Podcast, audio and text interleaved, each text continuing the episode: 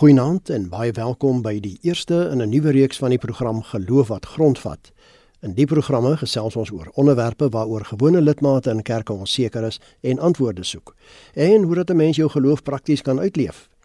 Ek is Flip Loots en by my verwelkom ek vanaand vir professor Christina Landman. Sy is professor in teologie aan Unisa. Goeienaand Christina. Goeienaand Flip, goeienaand Chris, goeienaand luisteraars. En Christina praat so van Chris, dit is die derde deel van ons spannetjie vanaand. Hy is professor Chris de Wet. Hy is van die Nuwe Testament en Vroeg-Christelike Studies afdeling by die Departement Bybelse en Antieke Studies in Unisa. Baie welkom ook hier by ons Chris. Goeienaand Flip en ook goeienaand aan die luisteraars. Jy as luisteraar kan ook aan die program deelneem. Gebruik ons SMS nommer 45889. Onthou net die SMS se kos R1.50. Onthou ook dat hierdie program nie aan jou as luisteraar voorskrifte gee van presies hoe om te lewe nie, maar riglyne waarbinne jy self keuses kan maak. Er is hier stem ook nie noodwendig saam met die opinie van enige persoon wat aan hierdie program deelneem nie. Dit is vandag Paasondag en die Ierse sanger Bono het op 'n stadium gesê die opstanding was toe die heelal in die lewe van een man ontplof het. Interessante opmerking. Hy sê niks was daarna ooit weer dieselfde nie. Iemand anders het weer gesê Paasfees is die nuwejaarsdag van die siel verwysende daarna dat met die gebeure van die eerste Paasnaweek daar 'n nuwe toekoms vir die Christendom oopgegaan het. En hierdie jare het heelwat gebruike sinoniem geword met Paasfees. Die vraag is nou of al daardie gebruike wel by Paasfees hoort of nie. In geloof wat grondvat, gesels ons vanaand daaroor. Christina, kom ons kop af. Waar kom Paasfees vandaan en hoe Bybels korrek is dit vir Christene om dit te vier? Sommige beweer byvoorbeeld dat Paasfees 'n heidense oorsprong het. Flip Paasfees het nie 'n heidense oorsprong nie. Dit kom wel ooreen met die tyd van die jaar van die Joodse Pasga, want immers is Jesus volgens oorlewering met die Pasga gekruisig op die Vrydag en het hy dan die Sondag opgestaan en die doel van Paasfees is dan ook om hierdie kruisiging en opstanding van Jesus te herdenk. Maar dit is 'n bewegende datum soos julle weet ons het nie elke jaar dieselfde tyd Paasfees nie. Die opstanding Sondag is die eerste Sondag na die eerste volmaan na 21 Maart. Dis iewers tussen 22 Maart en 25 April kom dit voor hoor. Dit is nou alles volgens die Joodse maankalender. Daar is wel baie ernstige Christene. Ek kan hulle puriteine noem, mense wat baie suiwer is oor die Christelike leer wat hulle volg. Hulle vier nie Paasfees nie, om die volgende rede en dit is dat die fees self word nie in die Bybel beskryf nie.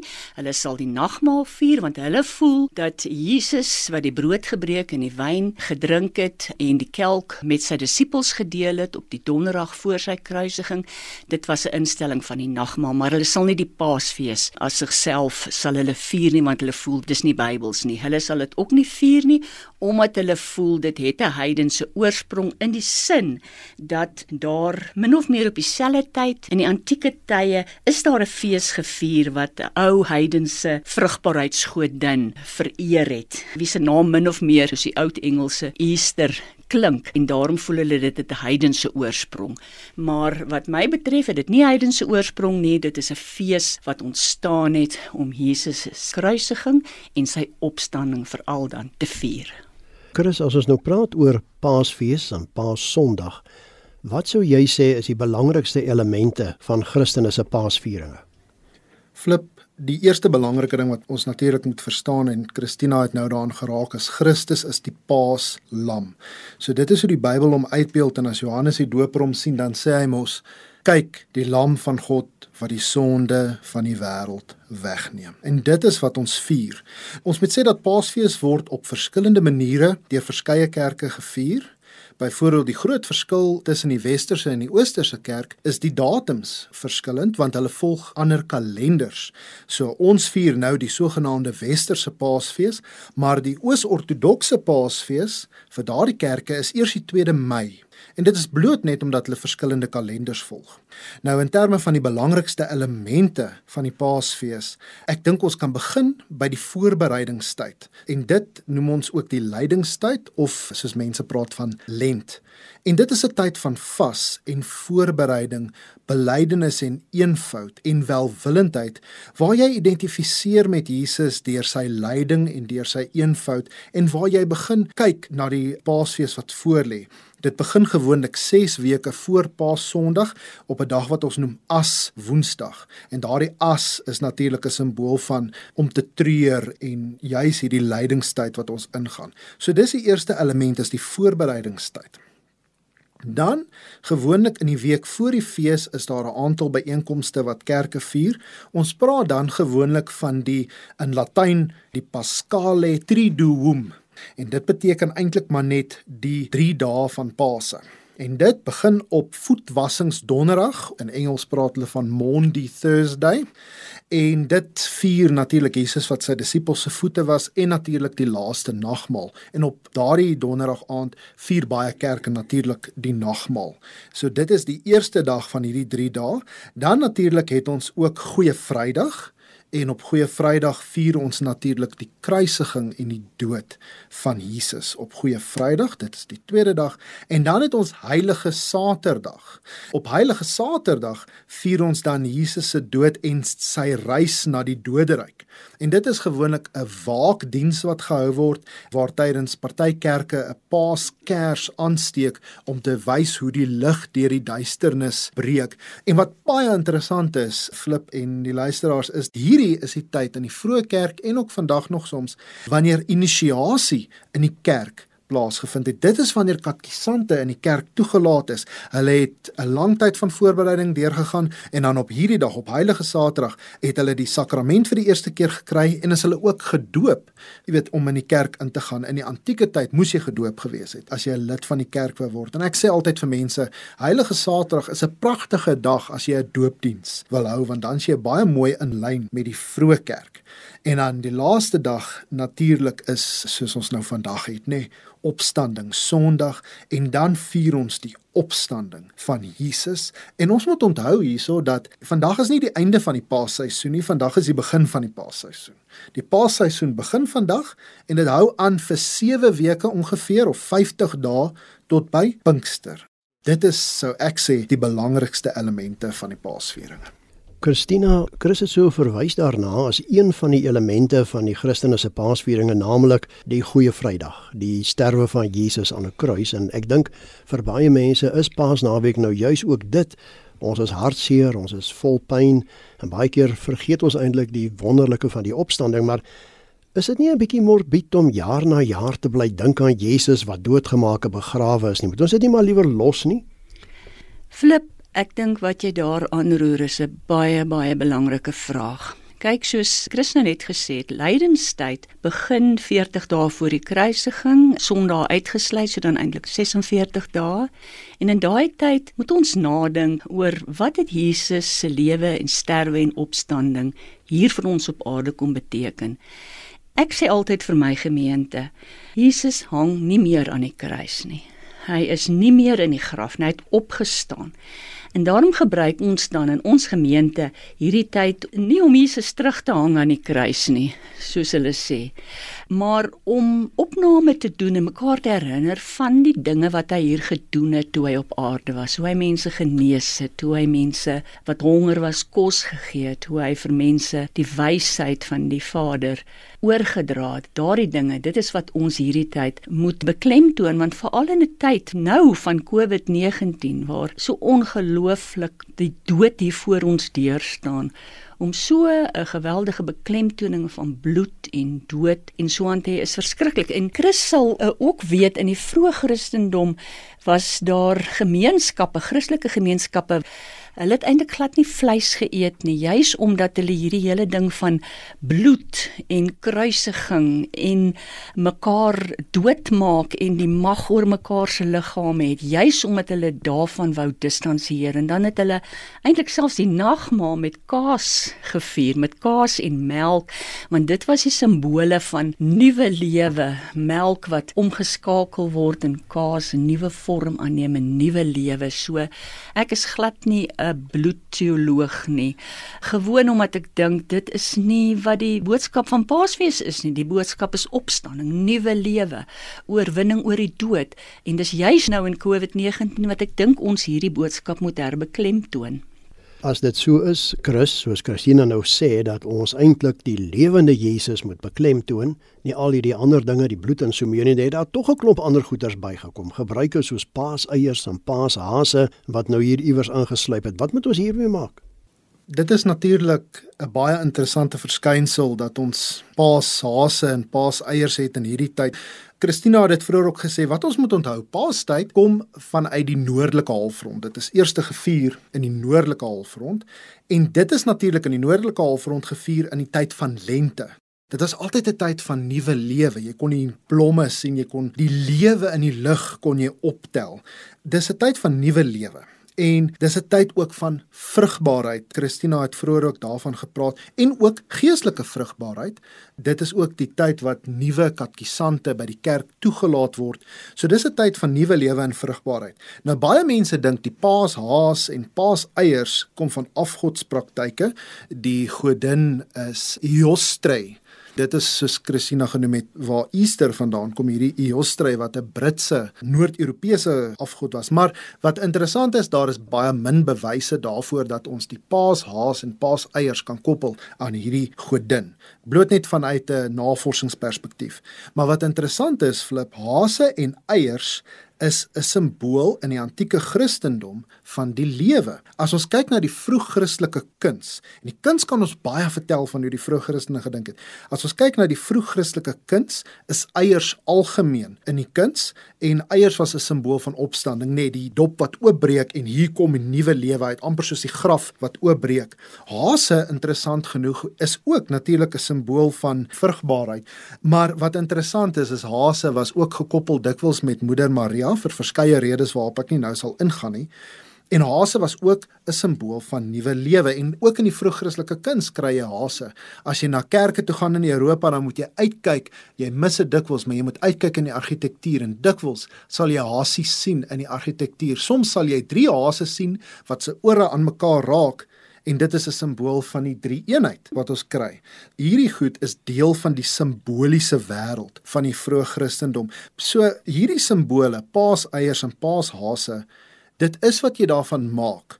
As jy vir jou kinders kan sê, hierso is 'n paaseier of hierso is die paashaas, maar dit is wat dit beteken en dit is die betekenis agter die eier, dan het ek nie 'n probleem, glad nie 'n probleem as mense hierdie simbole wil gebruik om 'n Christelike waarheid oor te dra nie. En daar's ander simbole ook, skoenlappers byvoorbeeld, is baie algemeen ook in die vroeg-Christelike kuns om dieselfde redes.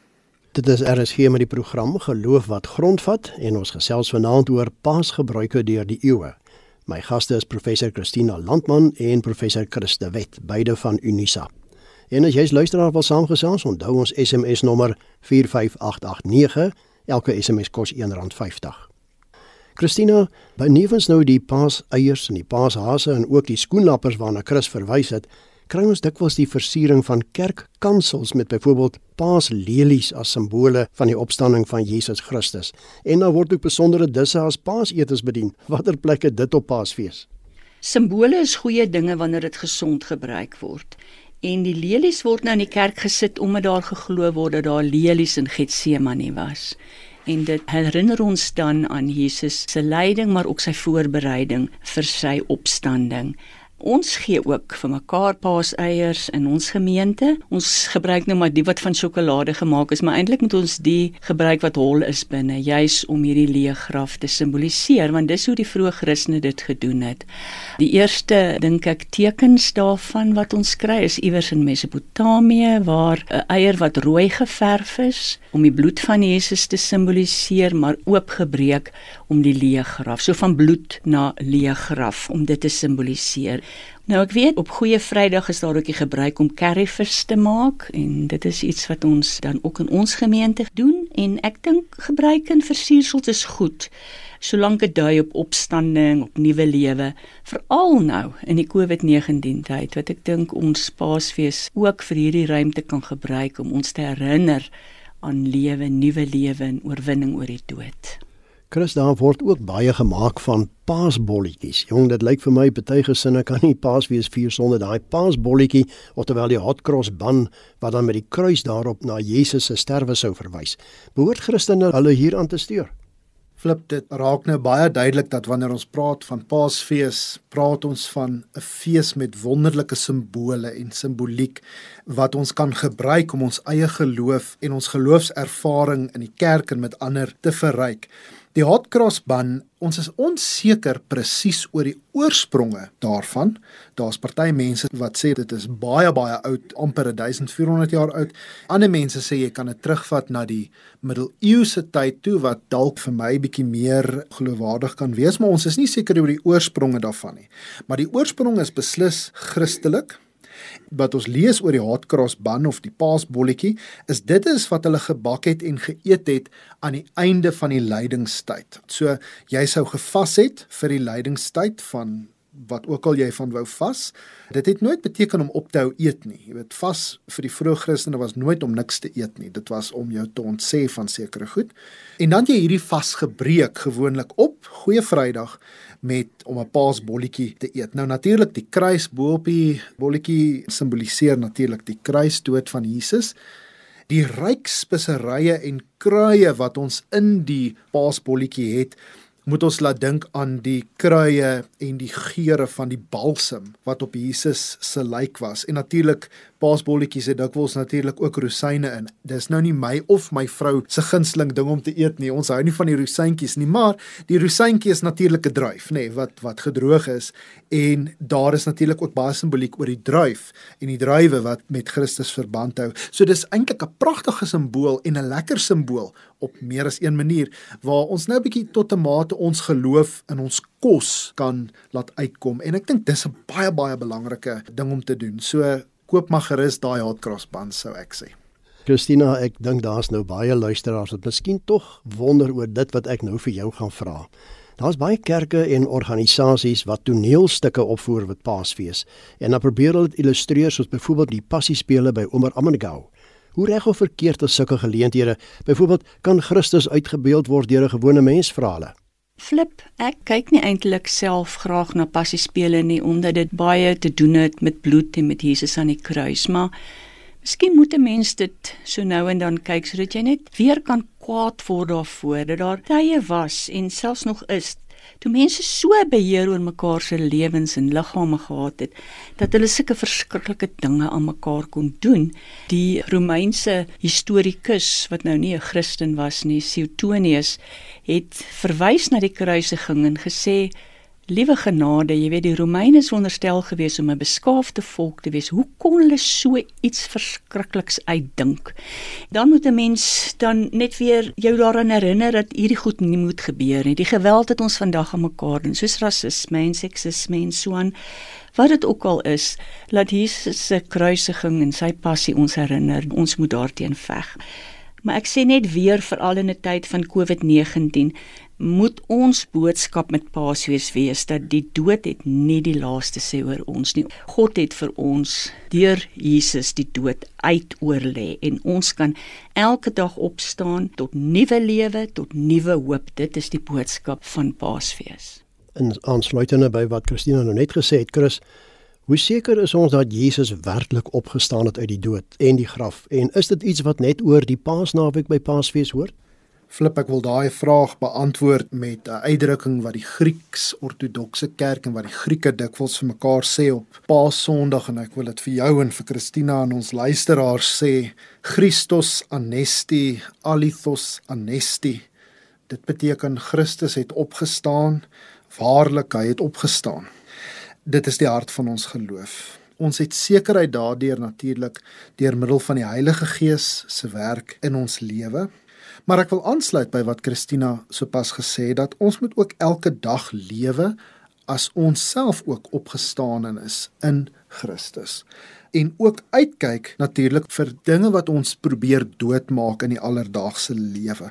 Dit gaan nou snaaks klink en dit gaan amper teenstrydig klink, maar ons moenie soos dooie mense leef nie. Ons moet soos opgestane mense leef en opstanding hoef ons nie net op Paasfees natuurlik te vier nie. Op Paasfees is 'n baie spesiale tyd. Is 'n tyd wat ons bymekaar kom, kom en ons dink aan opstanding en ons doen dit saam as 'n gemeenskap.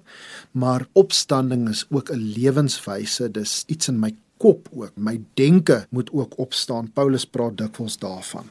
So ek sou sê laat opstanding ook 'n denkwyse wees vir jou. Christina, ons is so amper aan die einde van ons program, maar kom ons kry 'n paar wenke. Hoe sou kerke of Christene prakties Paasfees kon vier, veral nou hier in die pandemie tyd waarna jy al 'n paar keer verwys het? Flip ek sal kort en kragtig sê ons moet die gewone liturgie hou, soos die nagmaal in hierdie tyd maar dat ons byvoorbeeld ook iets sal doen soos die wat het sal kos bring kerk toe en dan vir die mense wat nie kos het nie dat hulle daarvan kan vat en ons het dit nou in ons gemeente dikwels gedoen selfs met die wêreldbiddag vir vroue dat ons vir mense sê as jy kos het bring kos kerk toe en dan het mense wat regtig honger is want daar's regtig hongersnood en daar's regtig werkloosheid hulle het dan van daai koshuis toe geneem. En dit het vir my die liturgie en die boodskap onderskryf. Chris hoe nodig is dit om Paasfees te vier Flip, ek dink dit is baie nodig om dit te vier en na my mening is dit een van die belangrikste feeste in die Christendom. As ons dit nie vier nie, is ons eintlik baie arm. Dit verryk ons geloof, dit skakel ons in met die kerk van die eeue en dit herinner ons dat ons as 'n gemeenskap kan ook saam die dood en opstanding van Christus vier. Jy weet die Hebreëse woord waar dit vandaan kom, Pesach, beteken ook eintlik om barmhartig te wees. En dis 'n tyd wat ons herinner oor God se genade en barmhartigheid oor ons. Christina Chris sê dit is nodig om Paasfees te vier, maar dink jy dat dit vir God saak maak of ons Paasfees vier of nie met of sonder al die gebruike? Ja, ons sal nooit altyd God se wil volkome ken nie, maar ek dink dit is God se wil dat ons met Paasfees sal probeer beliggaam wat Jesus Christus hier op aarde kom doen het toe hy siek mense gesond gemaak het en honger mense kos gegee het toe hy mense aangesien het die verskoptes en die verstotenes aangesien het en gesê het dit is nie die lewe nie die lewe is om 'n opgestane lewe in Christus te lewe. Chris samevattend, wat moet Christene se ingesteldheid wees ten opsigte van Paasfees veral met betrekking tot al die gebruike? Flip ons het gesien in hierdie onderhoud dat dit 'n komplekse simboliese wêreld is met 'n klomp gebruike by Paasfees. Maar op die ou einde van die dag wil ek 'n eenvoudige antwoord gee. Dit moet gaan oor Christus. Die inhoud wat ons vir die gebruike gee, moet gaan oor Christus en dan dink ek is ons ingesteldheid reg. Dit dan al 'n finansiële geloof wat grondvat. Baie dankie dat jy saamgeluister het en baie dankie aan my twee gaste, professor Christina Landman en professor Chris de Wet vir hulle bydraes. Christina, Chris, indien van ons luisteraars verder met julle wil kommunikeer, hoe kan hulle dit doen? Christina, eers dat jy Ek sal 'n SMS waardeer by 082 377 2574. En Chris? Luisteraars kan my gerus e-pos by chrisld w@gmail.com. En my kontakinligting flip by mediafocus.co.za. Nogmaals dankie vir die saamkuier. Tot volgende keer. Totsiens.